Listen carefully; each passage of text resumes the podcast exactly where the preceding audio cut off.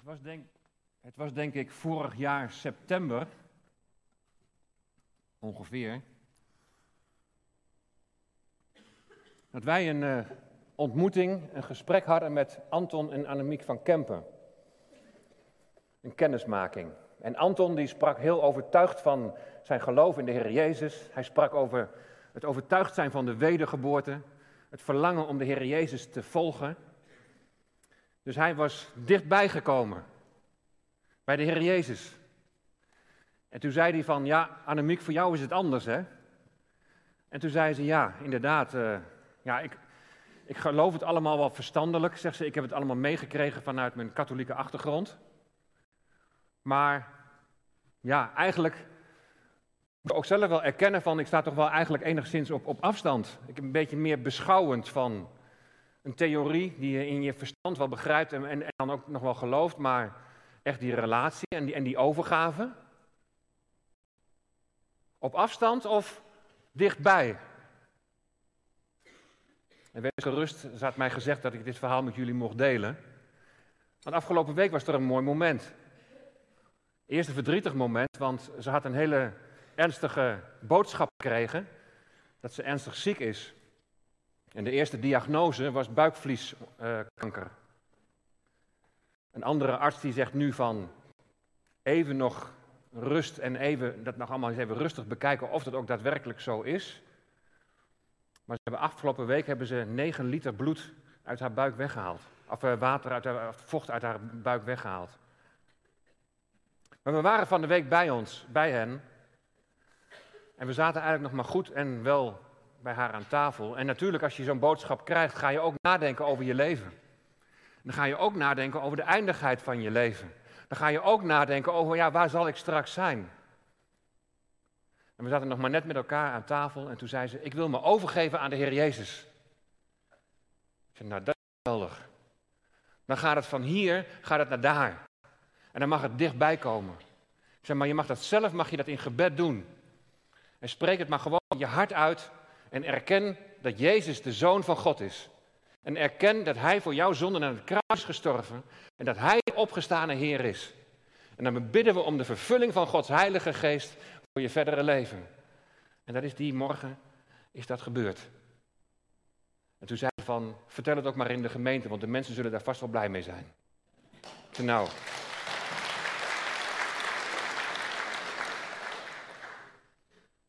Op afstand of dichtbij. Ik wil met jullie lezen Matthäus 26 vanaf vers 31. En net zoals vorige week komt er af en toe even een paar teksten uit een ander evangelie bij, om zo het verhaal weer helemaal compleet te maken. Matthäus 26 vanaf vers 31. Toen zei Jezus tegen hen: U zult in deze nacht allen aanstoot aan mij nemen. Want er is geschreven: Ik zal de herder slaan en de schapen van de kudde zullen uiteengedreven worden. Maar nadat ik opgewekt zal zijn, zal ik u voorgaan naar Galilea. Dan gaan we even over naar Lucas. En de Heere zei: Simon, Simon, de Satan heeft u allen opgeëist om te ziften als de tarwe. Maar ik heb voor u gebeden dat uw geloof niet ophoudt. En, als, en u, als u eens tot inkeer gekomen bent, versterk dan uw broeders. Maar Petrus antwoordde hem en zei: Al zouden ook allen aanstoot aan u nemen, ik zal nooit aanstoot aan u nemen. En Jezus zei tegen hem: Voorwaar, ik zeg u dat u in deze nacht, voordat de haan gekraaid zal hebben, mij driemaal zult verloochenen. En Petrus zei tegen hem: Al moest ik ook met u sterven, ik zal u beslist niet verloochenen. Hetzelfde zeiden ook al de discipelen. Zij die Jezus gegrepen hadden, leidden hem weg naar Caiaphas, de hoge priester, waar de schriftgeleerden en oudsten bijeengekomen waren. Daar is het Sanhedrin is daar bijeengekomen. Het Sanhedrin bestaat uit 71 personen, de hoge priester en 70 nou, oudsten, uh, schriftgeleerden, etc. En Petrus die volgde hem op een afstand tot aan de, het paleis van de hoge priester. En toen hij naar binnen gegaan was, zat hij bij de dienaars om het einde te zien. Petrus zat buiten op de binnenplaats. Een dienstmeisje kwam naar hem toe en zei: Ook u was bij Jezus de Galileër. Maar hij ontkende in het bijzijn van allen en zei: Ik weet niet wat u zegt. Toen hij naar buiten ging, naar de poort, zag een ander dienstmeisje hem. En die zei tegen hen die daar waren: Hij was ook bij Jezus de Nazarener. En hij ontkende het opnieuw met een eed en zei: Ik ken de mens niet. Kort daarna zeiden zij die daar stonden en dichterbij kwamen tegen Petrus: Werkelijk, u bent een van hen, want uw spraak verraadt u. Toen begon hij zich te vervloeken en te zweren: Ik ken de mens niet. En meteen kraaide de haan. En de Heere keerde zich om en keek Petrus aan. En Petrus die herinnerde zich het woord van Jezus, die tegen hem gezegd had, voordat de haan gekraaid zal hebben, zult u mij driemaal verloochenen. En toen ging hij naar buiten en hij huilde bitter.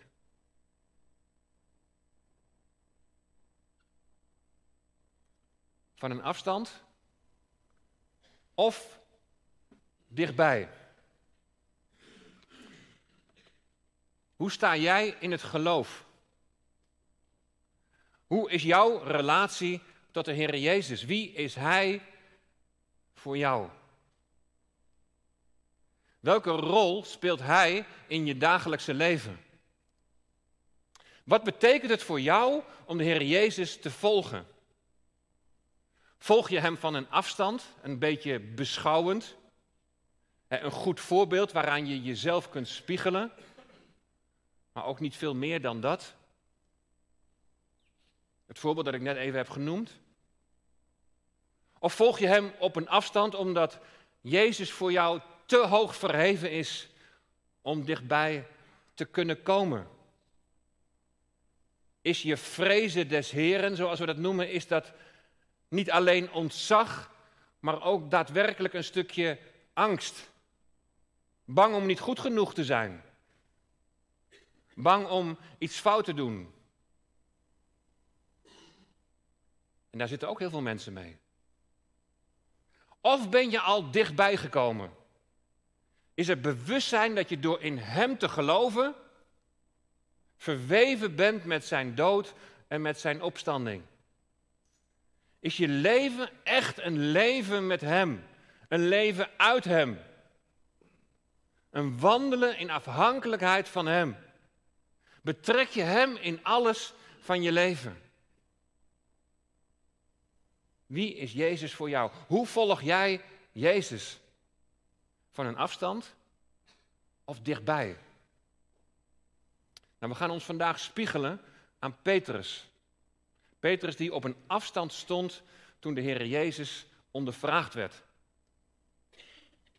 Voordat we dat gaan doen, gaan we uiteraard eerst stilstaan bij de persoon waar het ten diepste om gaat. We gaan eerst stilstaan bij de Heer Jezus zelf.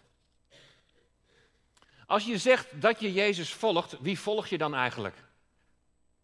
Nou, vorige week waren we nog in Gethsemane en stonden we stil bij de strijd die de Heer Jezus streed. Bid en waakt was toen het thema. Bidden en waken. Waakzaam zijn, want de Satan die gaat rond als een brullende leeuw, zoekende wie hij kan verslinden.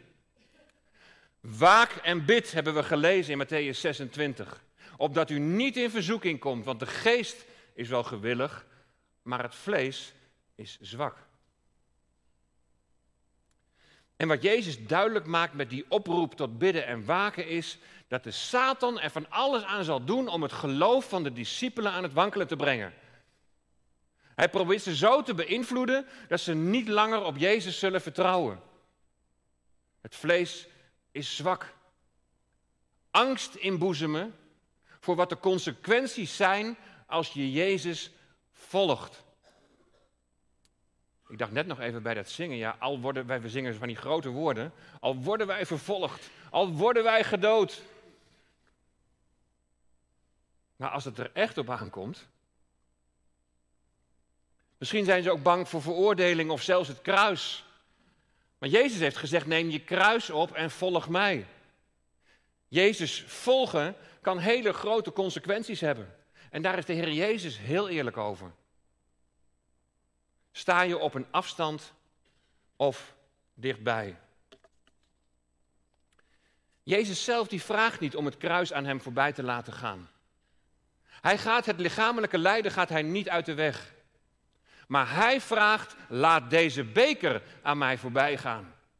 Die beker, hè, dat is die gifbeker die tot de rand gevuld is met de zonde van deze wereld. De beker die wij eigenlijk zouden moeten leegdrinken. Wij onvolmaakt zondige mensen hebben niets anders verdiend dan Gods veroordeling. Maar het is Jezus die deze beker leegdrinkt. Hij neemt het oordeel op zich. Jezus' geestelijke strijd is dat Gods oordeel op hem komt. Hij die heilig en volmaakt is, zonder zonde, hij wordt tot zonde gemaakt. Het is volledig tegen zijn natuur in. En de grootste consequentie, het zwaarste dat het zo ondraaglijk maakt, is niet het lichamelijke lijden, maar het is de Godverlatenheid. Zijn vader niet meer dichtbij. Op een verre afstand. Hij zal alleen staan. En niet alleen zijn vader, maar ook zijn trouwe volgelingen staan op een afstand. Deze samenvatting van, van Gods oordeel op de Heer Jezus, zijn zoon, en zijn discipelen die hem verlaten, die vind je ook in vers 31 dat we net hebben gelezen. Daar zegt Jezus namelijk tegen zijn discipelen dat ze allemaal, niemand uitgezonderd, dat ze allen aanstoot aan hem zullen nemen. Jezus heeft ze zo gewaarschuwd, geraak niet in verzoeking. Hij laat je niet verleiden door de boze. Bid en waakt, wees op je hoede, pas op. En specifiek tegen Petrus, die Jezus bij zijn oude naam Simon noemt. Simon, Simon, zie de Satan heeft u allen opgeëist om u te ziften als de tarwe. En hier gebeurt hetzelfde als bij Job. De Satan die van God speelruimte krijgt om de discipelen van Jezus op de proef te stellen. Over geestelijke strijd gesproken. Wat de discipelen overkomt, kan jou ook overkomen. Dat je te maken krijgt met verzoeking. En weet je, verzoeking komt altijd van de duivel. Die probeert je bij God weg te trekken. Die probeert je aan het twijfelen te brengen. Maar tegelijkertijd kan het dan ook van Gods kant een beproeving zijn. Je geloof wordt op de proef gesteld. Als het er daadwerkelijk op aankomt, waar sta je dan? Sta je dan nog op een afstand of ben je dichtbij? Blijf je ook bij tegenstand en blijf je bij dreiging? Blijf je op God vertrouwen? Blijf je op een afstand of, of durf je toch dichtbij te komen? En niet vertrouwen dat Hij alles wel even voor je oplost, maar dat Hij in je moeite en dat Hij in je strijd en zorg dat Hij je niet loslaat. Dat Hij bij je blijft. Dat Hij met jou er doorheen gaat. De discipelen houden geen stand. In deze nacht zullen jullie allemaal aanstoot aan mij nemen, zegt Jezus tegen zijn discipelen. En dat is wat er gebeurt. Het Griekse woord voor aanstoot nemen is skandalon. En dat betekent ten val komen. Het woord skandalon betekent dat er iets is wat je tot zonde verleidt. Het is een valstrik die Satan gespannen heeft. Eigenlijk zegt Jezus hier dus: jullie zullen ten val komen. Jullie zullen tot zonde worden verleid. Jullie zullen van mij wegvluchten. Het is allemaal voorzegd. Want Jezus citeert hier het Oude Testament in Zacharia 13, vers 7. Ik zal de herder slaan en de schapen van de kudde zullen uiteengedreven worden. De schapen slaan op de vlucht. Ze worden verstrooid. De discipelen ze slaan op de vlucht. En zie je hoe dat allemaal aansluit bij die samenvatting over Gethsemane? De discipelen die het laten afweten. Maar ook Gods oordeel op Jezus, zijn zoon. Ik zal de herder slaan, staat hier immers. Ik, dat is God de Vader. En de herder is Jezus de zoon. Ik zal de herder slaan. De vader zal de zoon slaan. Begrijp je wat hier gebeurt? Het, het, is precies hetzelfde wat in Jesaja 53, vers 4 staat over de knecht des Heren, over de komende Messias. Door God geslagen en verdrukt. Dat betekent het oordeel van God, de veroordeling van God over de zonde van de mensheid, is op Jezus terechtgekomen. Hij is om onze overtredingen verwond. Om onze ongerechtigheden is Hij verbrijzeld. De straf, en die ons de vrede aanbrengt, maar die was op Hem. Hij in jouw plaats. Hij heeft die pijn van Godverlatenheid heeft hij op zich genomen om jou weer in relatie met God te brengen. Ik zal de herder slaan. Als je zegt dat je Jezus volgt, wie volg je dan? De door God geslagene die in jouw plaats het oordeel van God heeft gedragen.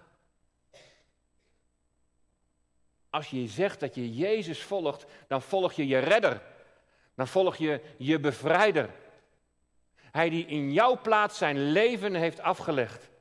Hij die zijn leven gaf voor jou.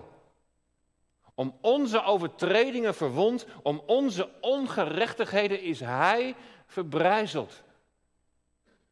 Besef je dat? Hij die hoog en verheven in de aanwezigheid van God was, die is naar deze wereld gekomen, is heel dichtbij gekomen. Hij heeft onder ons gewoond. Sta jij nog op een afstand of sta je dichtbij? Hij is dichtbij gekomen. En de vraag is, wat is jouw antwoord daarop? Toen het volk Israël bevrijd uit Egypte na 40 jaar zwerven door de woestijn in het beloofde land kwam en bij de bergen Gerizim en Ebal stonden, was Gerizim was de berg van de zegen en Ebal was de berg van de vloek. En daar was de boodschap was heel duidelijk. God zou gehoorzaamheid zou hij zegenen, maar ongehoorzaamheid zou onder andere leiden tot verstrooiing van het volk. Het niet aanvaarden van Jezus als de van God gezonde, gezalfde Messias is ongehoorzaamheid. En het gevolg, we hebben dat al eerder met elkaar gelezen in Matthäus 24, is dat van Jeruzalem en van de tempel geen steen op de andere steen gelaten zal worden. Alles wordt verwoest en het volk wordt verdreven en verstrooid. Dat is in 70 na Christus is dat ook daadwerkelijk zo gebeurd. De schapen van de kudde zullen uiteengedreven worden. De discipelen van Jezus, die staan nu beeld voor het volk. Ze zullen in de strik vallen en de groep die Jezus volgde, die valt uiteen. Ze verlaten Jezus op dit moment. En ze staan op deze manier staan ze beeld voor het dwalen van het volk. Wij dwaalden allen als schapen. Wij keerden ons ieder naar zijn eigen weg. En dat is wat er gebeurt. Ook met de discipelen van Jezus. Wie Jezus verlaat, die gaat zijn eigen weg. Maar er is hoop. Het kan zijn ook dat jij je eigen weg bent gegaan. Maar weet dat er altijd een weg terug is. Er is een weg terug. Er is een weg om aan het oordeel, de veroordeling van God te ontkomen. Want Jezaja 53, vers 6 gaat verder dan wat hier staat. Daar staat, maar de Heere heeft de ongerechtigheid van ons allen op hem doen neerkomen. Hij in jouw plaats. Al jouw ongerechtigheid, al jouw zonde op hem. Wat drijft jou bij Jezus vandaan? Wat houdt jou van Hem gescheiden? Wat houdt, je, wat, wat, wat houdt Hem op een afstand? Breng dat in het licht. Vertel het tegen Hem. Breng het aan de voet van het kruis. En zeg tegen Hem, Heer, u hebt u alle rotzooi. Vergeef mij. En dan zegt Jezus, ik vergeef je. Het zat allemaal in die beker. Het zat allemaal in die beker die ik leeggedronken heb. Ik heb de straf op mij genomen. Die Jezus zegt dan vervolgens: Neem jij je kruis op en volg mij. Hij maakt je ervan bewust dat Hem volgen strijd met zich mee zal brengen.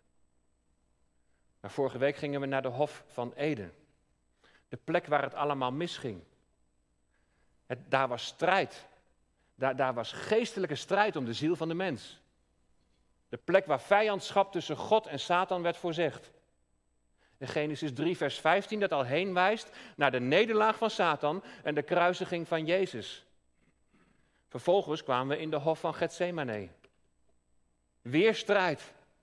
Weer een hof waar strijd zichtbaar werd in Jezus' hevige emotionele strijd, waarbij hij zijn discipelen waarschuwt voor verzoeking.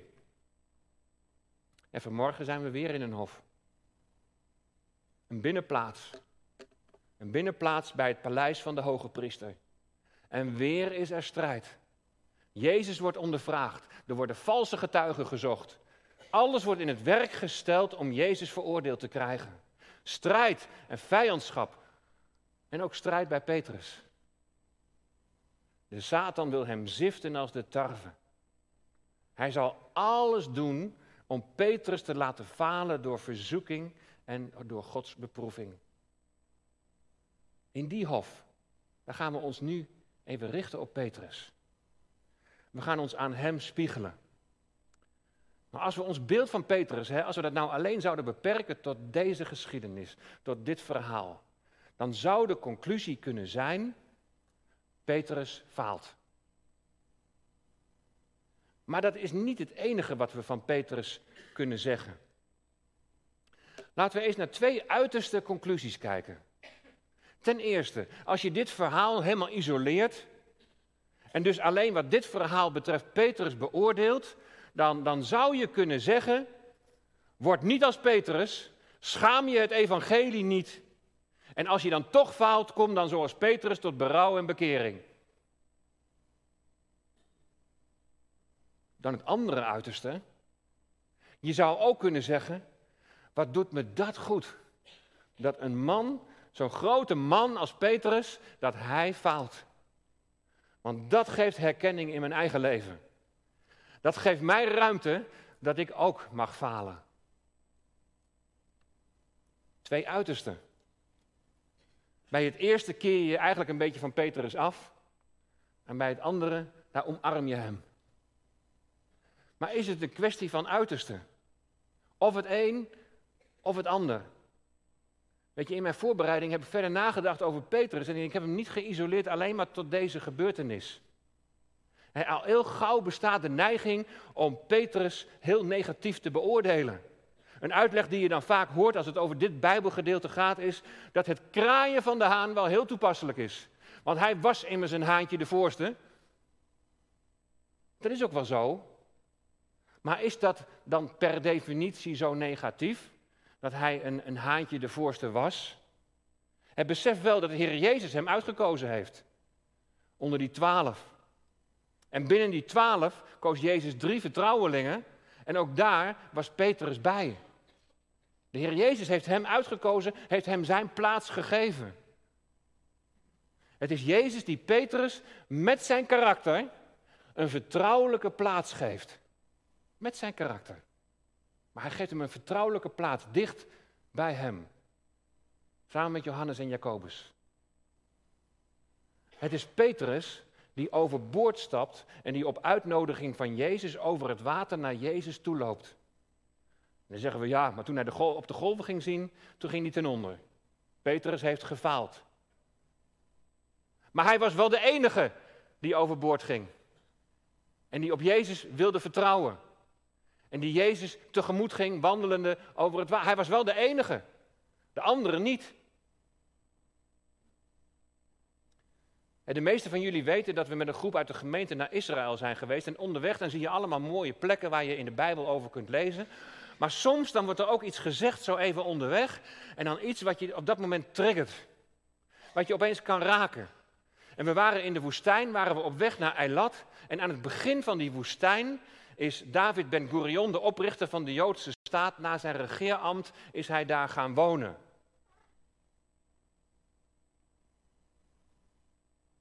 Hij riep op om de woestijn leefbaar te maken.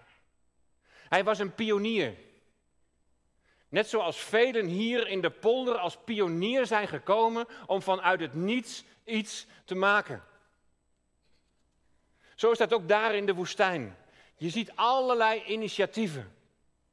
Maar wat mij raakte, dat was de opmerking, ze proberen iets en als het niet lukt, dan beginnen ze weer opnieuw met iets anders.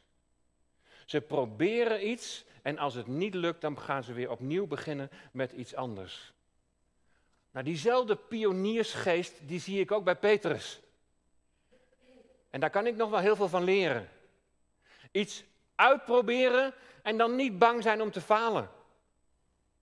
Ik heb nog wel eens te veel de neiging om, om, om op zee te spelen. Misschien ken je dat ook wel. Alles goed bedenken, de consequenties overwegen, tien stappen vooruit zien. Nou, dat zijn op zich ook verkeerde eigenschappen. Maar soms moet je gewoon durven om een stap te doen. Zonder dat je weet wat de gevolgen zullen zijn. Een stap in vertrouwen noemen we dat dan. Want als je faalt, mag je altijd weer opnieuw beginnen. Ik heb vaker gecommuniceerd dat wij een gemeente willen zijn waar je fouten mag maken. Want van fouten leer je. En fouten herstellen heeft ook iets heel moois in zich, toch? Ja. Petrus is enthousiast en hij is vurig voor zijn Heer. En als Jezus dan in het goddeloze Caesarea Philippi vraagt aan, aan, aan Petrus van wie zeg jij dat ik ben? Dan zegt hij, u bent de Christus, u bent de zoon van, van de levende God. Nou zegt Jezus, op dit getuigenis Petrus, op deze rots, bouw ik mijn gemeente. Een hoogtepunt. Ook dat is Petrus. Maar dan vlak daarna, als Petrus, als Jezus vertelt dat hij zal lijden en sterven, dan is het Petrus die weer heel heftig reageert en hij gaat dan te ver. Want Petrus neemt Jezus apart en hij begint hem te bestraffen en hij zegt dan, dit zal beslist niet gebeuren.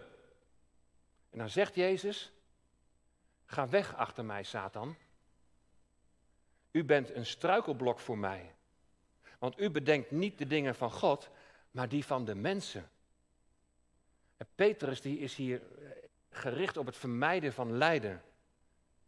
En daar, daaruit spreekt zijn liefde en zijn bewogenheid voor Jezus. In dat opzicht kan ik ook van Petrus leren. Zijn liefde en zijn bewogenheid, zijn passie voor de Heer Jezus. Alleen in dit geval heeft hij niet helder voor ogen dat hij God in de weg staat wat zijn plan betreft, wat het lijden en sterven van de Heer Jezus betreft. Ja, het zijn hoogtepunten en het zijn dieptepunten. Maar voortdurend is Petrus aan het leren. Is hij nou die impulsieveling die op zichzelf gericht is? Of is hij die pionier die God aan het vormen en aan het kneden is? Die fouten mag maken, die mag falen. Ik kijk veel meer wat het laatste betreft naar Petrus. God wijst hem de weg, hij onderwijst hem, hij leert hem. Vlak daarna bij de verheerlijking op de berg, dan wil hij met alle goede bedoelingen een tent opzetten voor Mozes en Elia en voor de Heer Jezus. He, zo lekker activistisch. Maar God laat het niet zo ver komen. Hij laat aan Petrus zien dat het niet gaat om Mozes, de wet. Dat het niet gaat om Elia, de profeten. Maar het gaat om de grote profeet, de Heer Jezus, die de wet heeft vervuld. Dit is mijn zoon, mijn geliefde, in wie ik mijn welbehagen heb, zegt God dan. Heeft Petrus gefaald of heeft hij weer een mooie les geleerd? Hij heeft weer een mooie les geleerd. Wij zijn misschien wel geneigd om dit soort mensen een beetje af te remmen. Het doe is rustig aan. Sta niet altijd met je neus vooraan. In hoeverre geef je mensen eigenlijk de ruimte dat ze ook gewoon mogen zijn wie ze zijn? Niet direct dat oordeel, maar, maar het mooie in die ander zien. Die ander die ook een schepping van God is. En Klaas Hessel die citeerde vanmorgen dat prachtige lied nog. Ik heb je lief met de liefde van de Heer, want ik zie in jou, zie ik de grootheid van zijn naam. Ook als jij heel anders bent dan ik. Of ik weer heel anders ben dan jij. We hebben allemaal zo ons plekje in Gods koninkrijk. En de ene is de denker en de andere is de pionier. En weer de andere is degene die, die, die zijn handen laat, uh, laat, wapperen. En die gewoon lekker aan het werk is. Er zijn momenten dat, je, dat Petrus te ver gaat, tuurlijk. Als Jezus zegt dat allen aanstoot aan hem zullen nemen, is het opnieuw Petrus die heftig reageert en dan als eerste zegt, al zouden ook allen aanstoot aan u nemen, ik zal nooit aanstoot aan u nemen. Ja, dit gaat te ver, hè? hij stelt zichzelf boven die ander. Zij zullen misschien wel vallen, zij zullen misschien wel verstrikt raken in de klauwen van de duivel, maar dat zal mij niet overkomen. Petrus, als de haan kraait, jongen, dan heb je me niet één keer verlogend, maar wel drie keer. En als Jezus dan gevangen genomen wordt, dan is Petrus de enige die volgt. Hij is de enige die volgt. Hij faalt later dus wel, maar hij is de enige die volgt. Om, om toch in de buurt van Jezus te blijven. Hij is wel degene die het langste volhoudt. Hij is iemand die niet gauw opgeeft. Wat kun je van Petrus leren? Ben je ook een volhouder? Ben je ook iemand die, die niet gauw opgeeft? Iemand die gaat voor zijn idealen? Iemand die denkt, als het linksom niet lukt, dan doe ik het wel rechtsom?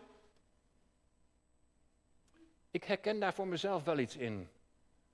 Maar bij Petrus zit toch wel iets meer van die pioniersgeest waar ik ook nog wel graag iets van zou willen hebben en waar ik wel graag nog iets in zou willen leren. Wat ik ook leer van deze geschiedenis is dat deze eigenschappen, dat die niets waard zijn als je wat Jezus betreft op een afstand staat. En dat is de andere kant. Dan wordt het pionieren wordt iets vanuit jezelf. Dan kan het prachtig zijn wat je allemaal tot stand brengt, maar is datgene wat je tot stand brengt ook in overeenstemming met Gods plan? Of, of klinkt dan de stem van de Heer Jezus, ga weg achter mij Satan, want je bent niet bedacht op wat ik wil, maar je bent met je eigen dingetjes bezig. En dan kom ik weer terug op dat bidden en waken. Jezus wil dat je dichtbij komt. Hij heeft de weg gebaand om in zijn aanwezigheid te kunnen zijn. In de aanwezigheid van de Vader te kunnen zijn. Het dicht bij Hem komen is het beste wat je kunt doen. Maar het kan gevolgen hebben voor je leven in deze wereld. Voor Jezus uitkomen kan grote gevolgen hebben. En dat is wat Petrus zich ook realiseerde. En de vraag van morgen is: blijf je op veilige afstand staan? Of zeg je: Hineni, Heer, hier ben ik. geen pioniersgeest in de zin van onbezonnen keuzes maken, maar wel de, de weg van God willen gaan. Op Hem vertrouwen dat Hij je zal leiden. Dat we pioniers zullen zijn in die zin van we weten nog niet waar God ons gaat brengen, maar we willen op Hem vertrouwen. We willen ons aan Hem overgeven. Hij weet wat het beste voor ons is. En dan zul je soms beslissingen moeten nemen waarbij je over je eigen schaduw moet stappen. Dan zul je soms beslissingen moeten nemen waarbij anderen je zullen veroordelen. Dan zul je soms beslissingen moeten nemen die niet eens volgens de menselijke logica zijn. Maar als het Gods weg is, dan heet zo'n beslissing vertrouwen. Blijf je op afstand of, of kom je dichtbij? Wat was het een moeilijk leermoment voor Petrus daar in die hof? Hij is in de strik gevallen. En Jezus kijkt hem aan en hij, en hij zegt niks. Wat zou er uit zijn ogen op te maken zijn? Zie je nu wel? Ik heb het je toch gezegd, jij met je grootspraak. Ik denk het niet. Ik denk dat zijn ogen innerlijke bewogenheid hebben laten zien. Simon, Simon, zie de Satan heeft u allen opgeëist om u te ziften als de tarwe. Jezus was er zo duidelijk over geweest, maar hij zei er direct nog iets achteraan. En dat wil ik tot slot ook als een bemoediging meegeven, ook als je je in dit opzicht ja, in Petrus herkent. In Lucas 22, vers 32. Maar ik heb voor u gebeden dat uw geloof niet ophoudt. En u, als u eens tot inkeer gekomen bent, versterk dan uw broeders. En misschien sta je nog op afstand. Misschien ook wel in een, in een strik gevallen. En Petrus die huilde bitter. Een diep gevoel van, van schaamte, van je, je hebt gefaald. Misschien is er een andere reden dat je op afstand staat. Misschien wel heel teleurgesteld in God. Het is anders gegaan dan je had gedacht. Je vindt het lastig om dichtbij te komen. Je kunt misschien zelfs niet meer bidden. Weet dan dat Jezus bidt voor jou. Hij bidt en pleit voor jou. Maar ik heb voor u gebeden dat uw geloof niet ophoudt. Jezus schrijft je niet af, maar vraagt maar één ding: inkeer. Inkeer kun je ook vertalen als omgekeerd zijnde. Als je je hebt omgekeerd. Als je je naar God wendt, opnieuw naar Hem wendt. Als je niet langer op afstand blijft, maar je aan Hem overgeeft. Dan ben je opnieuw, in alle kwetsbaarheid, ben je weer bruikbaar in Zijn koninkrijk. En daar gaat het om. Je bent niet afgeschreven als je in een strik valt. Je bent niet afgeschreven als je faalt. Hij gaat met Petrus verder. Versterk dan je broeders, Petrus. Beur dan ook die anderen weer op, die ook in diezelfde strik, in diezelfde val gevallen zijn. Van Petrus kunnen we zoveel leren, hoogtepunten en dieptepunten. Maar Jezus, met Jezus onderweg zijn en weten dat je bij Hem altijd opnieuw mag beginnen. Dat noemen we genade. Liefde was het. Onuitputtelijk. Liefde en goedheid eindeloos groot. Toen de levensvorst op aarde tot ons hel zijn bloed vergoten. Ik wil u vragen vast naar voren te komen. Kom, laat ons zijn liefde prijzen. En God geeft vreugd en voor dankens stof. Eenmaal zingen wij voor eeuwig in de hemel zijn lof. Rijd als heerser door de velden. Jezus in uw grote kracht. Niets, niets kan u tegenhouden, zelfs de hel niet met haar macht. Jezus is overwinnaar. Kom dichtbij. We hebben gezongen, wij zijn in hem meer dan overwinnaars. Kom dichtbij om in zijn overwinning te staan. Jezus is overwinnaar. Voor uw naam zo groot en heerlijk. Zingt de vijand weg in het niet. De vijand is verslagen. De vijand wordt nog vernietigd. Jezus is overwinnaar. Heel de schepping, Heer, zal beven als zij u, haar koning, ziet. Zullen we dat met hen ons hart beleiden door ook voor zijn aangezicht te gaan staan? Liefde was het onuitputtelijk.